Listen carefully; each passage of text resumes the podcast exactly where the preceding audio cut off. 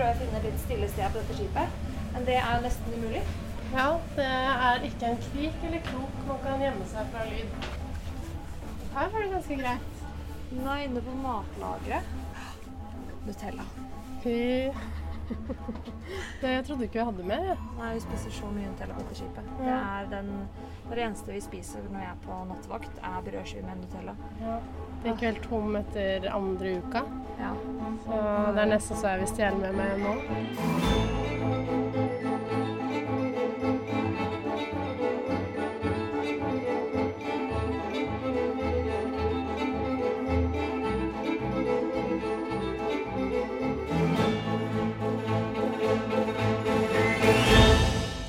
Velkommen til Over Stillehavet med Universitetet i Bergen.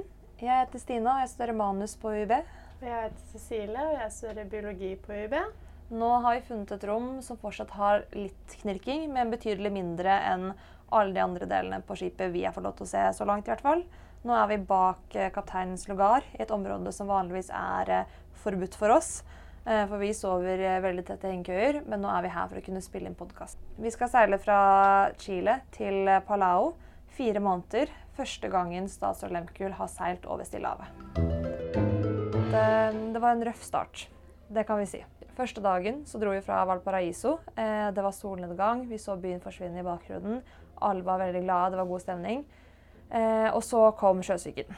Og jeg var jo forberedt på det. Jeg hadde tatt sjøsyketabletter før vi dro, og en da jeg begynte å bli kvalm, som man skal gjøre. Jeg hadde på eh, sjøsykearmbånd.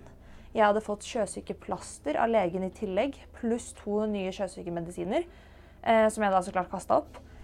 Og jeg kasta opp og jeg kasta opp og jeg kasta opp. Og jeg kasta opp hele ni runder de første fire timene om bord eh, da det begynte som verst med bølgene. Jeg kasta opp så mye at jeg prøvde å komme meg ned til hengekøyen min, men jeg kunne bare gå to meter, og så kasta jeg opp mer. Eh, Jeg kasta opp så mye at jeg satt ved den spysjakten og så andre komme og spy og forsvinne og komme og spy og forsvinne. Eh, Jeg fikk hjelp av en veldig hyggelig gutt fra eh, Sør-Afrika som ikke spydde og holdt meg med selskap, som hjalp meg ned til hengekøyen min, som jeg da spydde under hengekøyen min nede i banjern. Eh, Så våkna jeg neste morgen, spydde mer i hengekøyen min. Prøvde å gå ut, spydde en gang til. Prøvde å ta en dusj, satt i fosterstilling på gulvet på badet og spydde der. Eh, men ellers var det veldig fint, da. Men eh, det var en tøff start. Og det gjaldt ikke bare meg. Nei, min, eh, min start var kanskje ikke like hard, men den var eh, kanskje litt mer uh, stusslig. Jeg visste at jeg skulle bli sjøsyk siden jeg har vært på båt før, og tenkte at da skulle jeg gjøre litt eh, damage control og bare gå og, og legge meg med en gang jeg kom på båten. Um, og da skjedde det jo mye spying, tydeligvis, og jeg gikk glipp av uh, den spyetiketten, da. Så våknet jeg til at uh, magen vrengte seg, og jeg måtte bare dulte borti hengekøya ved siden av meg og si 'har noen av dere en pose?' Uh, og, ble, og ble gitt en pose, spydde opp i den, og så var det hull i posen. Men jeg klarte å løpe, løpe opp på dekk og finne den ene spysjakten som eh, jeg trodde var på båten, eh, og spy i den. Eh, og da, da kom det en stråle opp igjen og traff meg i ansiktet. Og jeg tenkte at herregud, er det sånn her det er å være spysyk på båten? Er det bare sånn her man må finne seg i? Men jeg, Så jeg bare fortsatte å spy og prøvde å dodge det når det kom opp igjen. Klarte det ganske greit. Og så kom uh, stewarden og prikket meg på skulderen og sa du kan, du kan gå på spysjakten på andre siden. Og da sa jeg er det to spysjakter? Ja. Eh, For det er en viktig lærdom på båt, at det er både windward side og leeward side, som da er siden vinden kommer fra, og Ja. siden vinden eh, blåser mot. Og det lærte jeg på den harde måten.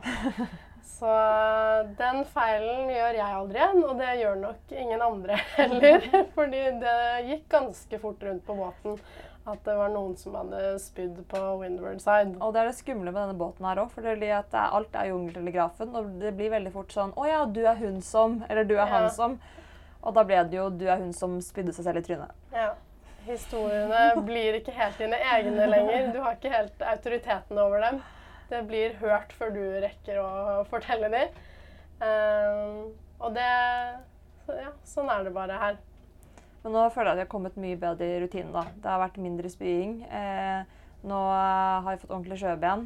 Ja. Tenker ikke lenger over at alt eh, vaier hele tiden. Nei. Eh, vant til å sove i hengekøye, vant til å stå opp eh, eh, sent eller tidlig, eller være oppe til klokka fire eller stå opp til klokken fire. Alt har blitt litt mer rutine nå, og det er Ja. deilig. Det er veldig deilig. Det er eh, morsomt hvor eh, tilpasningsdyktige vi faktisk er, og hvor fort man kommer seg inn i en ny hverdag, og hvor fort man egentlig glemmer at man eh, er midt på Stillehavet og ikke i sitt eh, komfortable kollektiv eh, hjemme. Mm. Og nå har vi jo den første reisen her, som vi er godt i gang med. Skal jo vare 36 dager fra Valparaiso til eh, Tahiti. Som for mange av crew også er en av de lengste strekningene de har eh, seilt. Mm. Uten å se land eller være på land. Eh, og så er vi så klart her på denne reisen fordi vi tar emnet SDG 200 på, eh, fra UiB.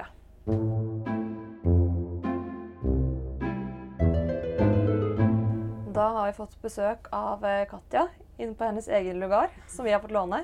Eh, Katja er vanligvis eh, professor i biologi på UiB og er nå emneansvarlig for SDG 200 og har ansvar for undervisningen, eh, biologiundervisningen på skipet. Så velkommen til deg. Tusen takk. Her var det hyggelig. Ja. eh, først av alt, hva er det vi skal lære på dette emnet? Eh, dere skal lære generelt om bærekraft. Eh, FNs bærekraftsmål, spesielt eh, SDG 14, som er liv under vann, og eh, SDG 13, som er klima. Og eh, så har vi den der eh, målet som på en måte er om å jobbe sammen. Det er også en av de. Så skal dere Nå har dere allerede lært, eh, håper jeg, litt sånn biologi. Uh, og så har vi hatt uh, psykologi. Og så blir det klimaforskning, sosial antropologi og uh, juss. Så det er de tingene som vi skal prøve å få dere til å lære. Mm. Er det noe utenom eh, undervisningen du håper at vi skal lære på denne turen?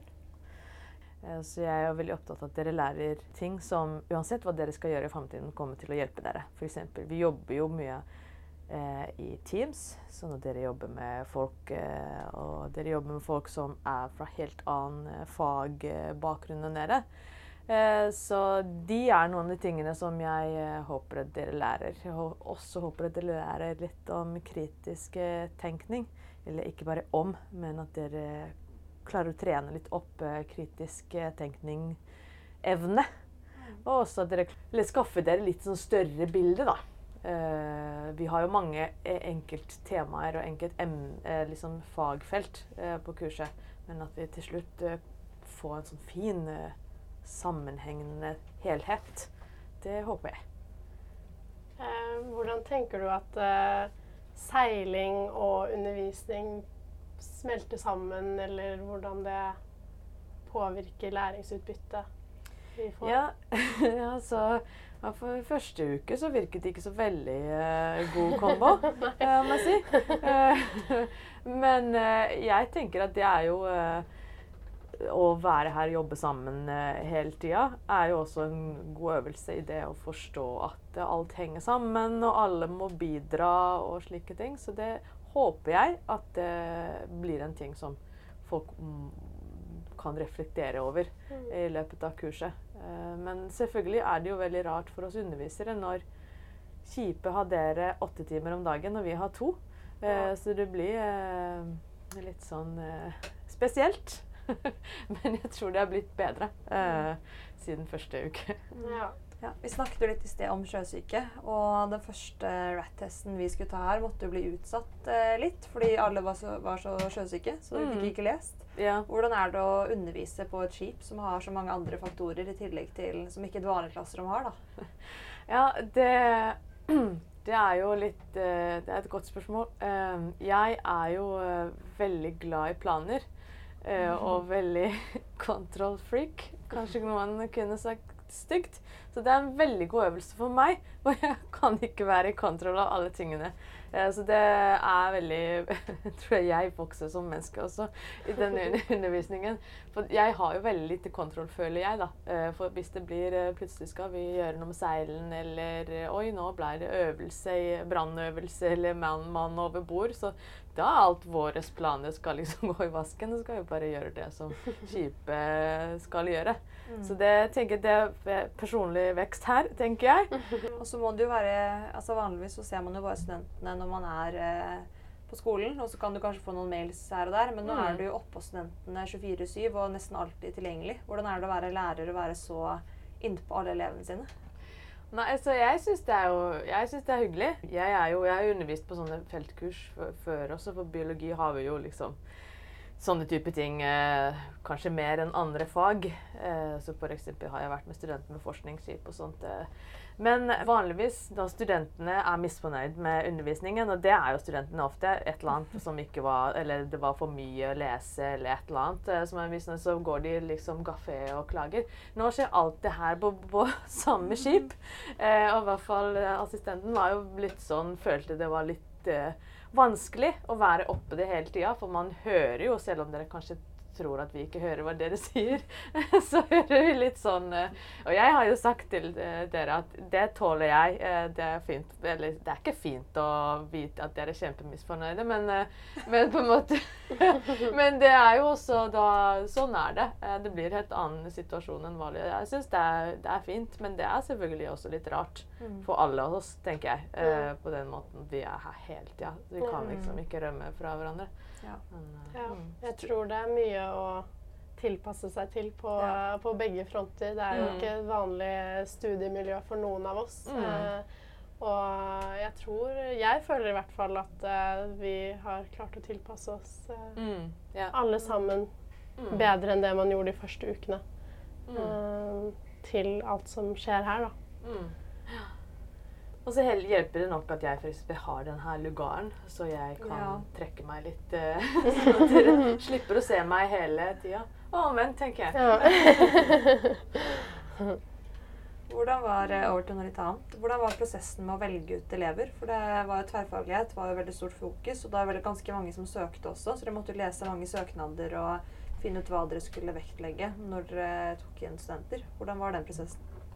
Ja, Den prosessen var jo uh, ganske omfattende. Vi fikk jo eh, 400 søkere eller noe sånt til disse 90 plass uh, som vi hadde bestemt å ha.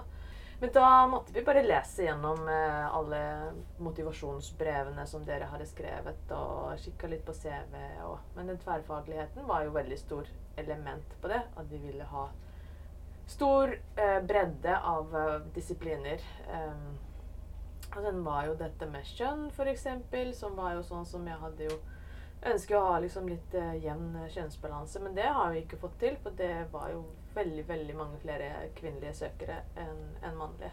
Mm. Nå har vi kanskje sånn uh, en tredjedel er mannlige. Hvorfor tror du det var eh, flere kvinner som søkte, og forventet du det? Jeg tror bærekraft er litt mer uh, fengende for kvinner. Eh, jeg har ikke forklaring på hvorfor, men vi har sett det samme på Vi har det nye masterprogrammet i bærekraft på YB. Og der var det også langt flere kvinnelige søkere enn eh, en menn. Mm. Og så er det litt i motsetning til uh, crewet som jobber her. For mm. uh, der er det flesteparten menn mm. som driver med seiling. Mm. Ja.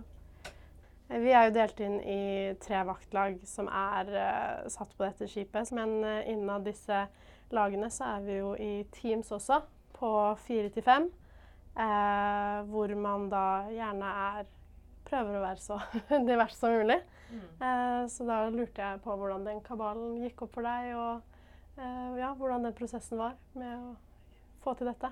Ja, eh, da er det jo eh, det som vi har brukt spesielt på min undervisning. Da. Dette er eh, team-based learning, eh, hvor det er liksom veldig mye fokus på at disse timene skal være mangfoldige. Eh, at og man skal liksom konsentrere på de forskjellige styrkene som er i gruppene. ikke sant? og her har vi for eksempel, så har jeg etablert at det å være ikke-norsk er noe som må spres i forskjellige grupper. Fordi eh, det er klart et, et, annet perspektiv enn de aller fleste har. Eh, det andre sånn spesielle er jo kjønn, da. for vi har bare en tredjedel av disse mannlige studentene. Så de er delt ut litt forskjellig. Men da begynner det å komme til fag, da.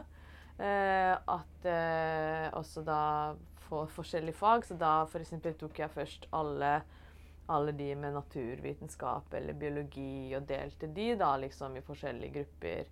Så det var, det var mange timer for en Excel, kan jeg love.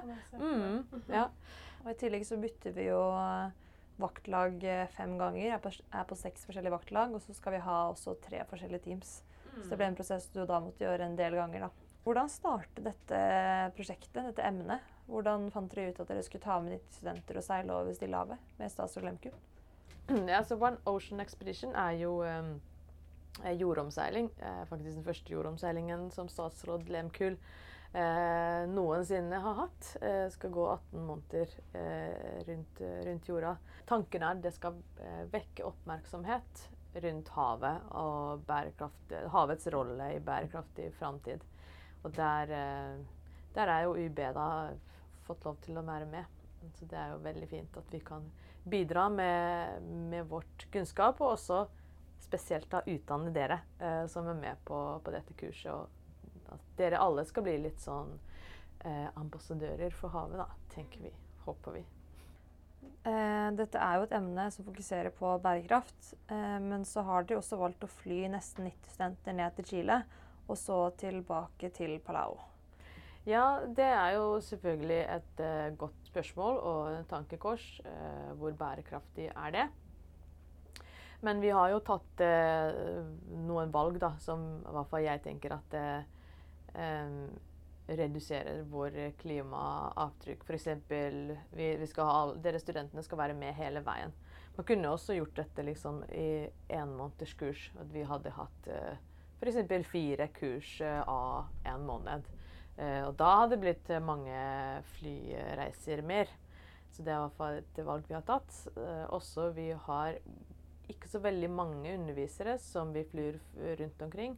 Og de undervisere som er med, er lang tid her. Så det også reduserer litt den antall flyreiser som, som, vi skal ha. Og jeg f.eks. er jo med hele hele veien, da. Men så er det jo også sånn at det er jo veldig vanskelig å vurdere hva er eh, Så klimakostnaden er jo tydelig. Eh, vi flyr ned og opp igjen tilbake i Norge.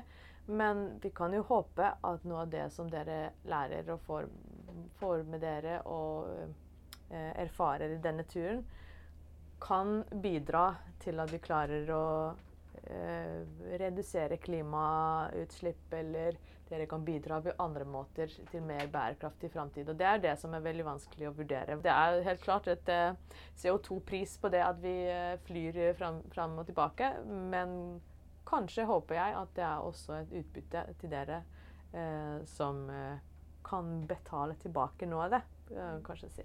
Det tror jeg absolutt at det er. Og jeg tror også at det åpner dører for veldig mange andre mm. fagfelt hvor kanskje bærekraft ikke er så prominent. da. Mm. F.eks. hvis dere hadde valgt å bare ha biologistudenter. Mm. Det vet jeg at mange av biologistudentene som ikke fikk være med, var litt misfornøyd med. At, det mm. ikke, at de ikke så helt verdien da, av å ha så mange forskjellige studieretninger. Mm. Uh, men at det også er en uh, verdi i seg selv. At uh, man sitter igjen med en motivasjon til å integrere bærekraft i sitt eget felt. Mm, ja. ja.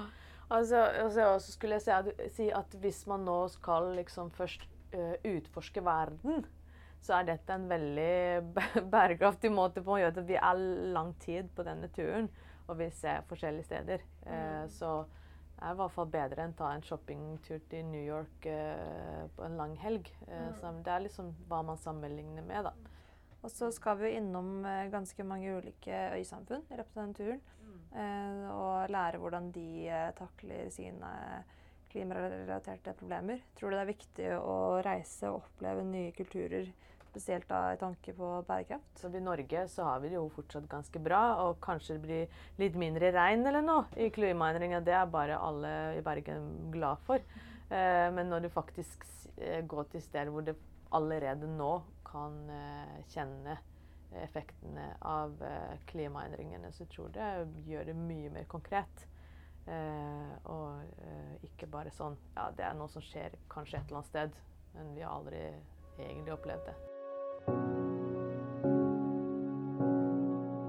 Har jo ikke noe internett. Eh, vi er helt uten dekning. Så er det noen på toppen der av crew-kapteinen som får liksom noen nyheter, men det gjelder ikke oss eh, medseilere.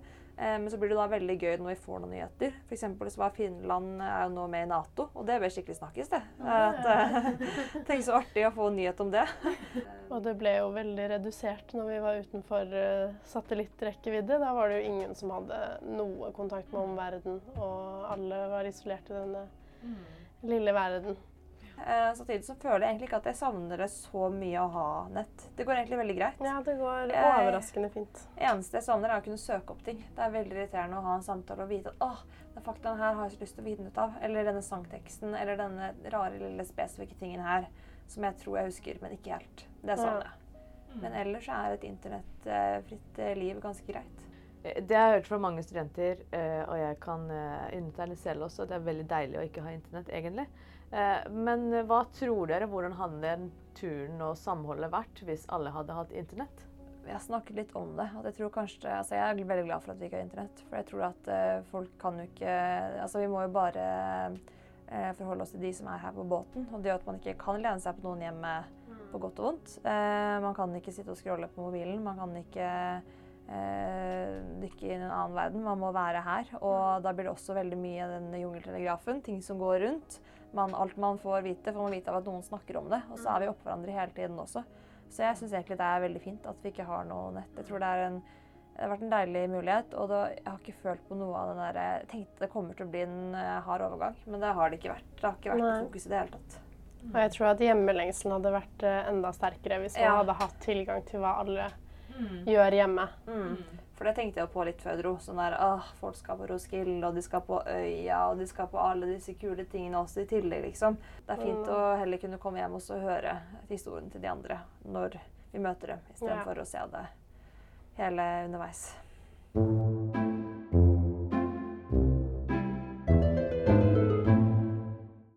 Katja, du forsker jo også litt på båten her. Og det har jo vært eh, noen spørsmålsrunder. Og det spørsmålet som vi alle har blitt stilt til veggs med, er hva er bærekraft for deg? Så da må vi spørre deg også. Hva er bærekraft for deg? Altså, jeg liker jo veldig godt den uh, Brundtland sin uh, definisjon fra 17, nei, 87. Uh, som er jo at vi skal leve slik at de framtidige generasjonene har de samme mulighetene som vi har. Eh, det er jo veldig fint, men det er jo litt abstrakt, da. Eh, og den andre tingen som jeg liker da, som gjør, gjør jeg syns gjør det litt mer konkret, er jo det at vi, når vi tenker over bærekraft, så skal vi tenke på det økologiske, som er det som veldig mange binder med eh, bærekraft, egentlig. At vi skal liksom eh ikke forsøple eller, eller, sånne ting. Eh, eller hogge for mange trær eller, eller så, slik, slike ting. Men vi må også tenke på det sosiale som har vært interessant å snakke med noen studenter som studerer litt mer sånn uh, uh, samfunnsvitenskap, uh, hvor de har sagt at de tenker bare det. Liksom, det er det som de er vant til å tenke. Og bærekraft kan være på veldig mange forskjellige nivåer. Det kan jo være den dagligdagse, som jo mange tenker ok, hvordan kan jeg leve bærekraftig. Eh, jeg tror ikke du kanskje mener at jeg skal ramse opp min bærekraftsråd for, for familie. Hvordan vi gjør det. Men, eh, men det, jeg tenker at det er også sånn eh, viktig å tenke at det, det skjer på mange forskjellige nivåer. Mm. Føler du at du får noen nye perspektiver og lærer noe nytt av å ha 90 studenter med forskjellige perspektiver på bærekraft? Ja, jeg håper virkelig det. Og så er jo, jeg er jo veldig interessert i å se på det hvordan eh, kanskje dere utvikler dere, da. eh, I løpet av turen kanskje få nye perspektiver til den. eh, Det er derfor jeg spør eh, om det hele tida. Kommer til å spørre igjen. eh, Hva tenker du nå? Eh, Så mm. Får vi bare notere det svaret ditt og gi det tilbake. ja. Da helt til slutt så kan Vi jo spørre om, eh, vi har snakket om eh, oss studenter i lag. Det har funnet ut at vi tror ingen av oss, altså Alle her har hjemlengsel, men det er nok ingen som har barn da, av oss Mm. studentene. Så hvordan er det å være borte fra familie og sånt nå, da, når du skal være så lenge på havet? Ja, det er jo Det går ganske bra når man ikke tenker på de. Men jeg hadde jo Jeg måtte ringe hjem. Og den hele samtalen i satellittelefonen så holdt jeg bare tilbake gråten. Eh, Så jeg var bare veldig sånn OK. Ja, men nå må jeg, tror jeg må gå. Og jeg tror de var sikkert tenkte at oi, oi, nå har mamma det ikke bra. Eh, For jeg var bare helt sånn eh, Men det blir veldig konkret når du snakker med de. Men når man ikke har så mye kontakt, for vi har ikke så mye kontakt, eh, muligheter, så går det ganske bra. Men ja, men eh, man setter pris på familien eh, kanskje litt mer eh, igjen når man har vært her. Når man ikke har sett, så ja, det er jo, det er jo bra også eh, savne litt. Men det blir jo lang tid å savne, da. Det, det ser jeg. Men dette er en mulighet som kommer en gang i livet, så mm. Takk for at du hørte på. Eh, I måneden fremover så kommer vi til å ha flere episoder der vi går innom de ulike temaene av undervisningen vi har om, og snakker mer om livet om bord på Statsråd Lehmkuhl.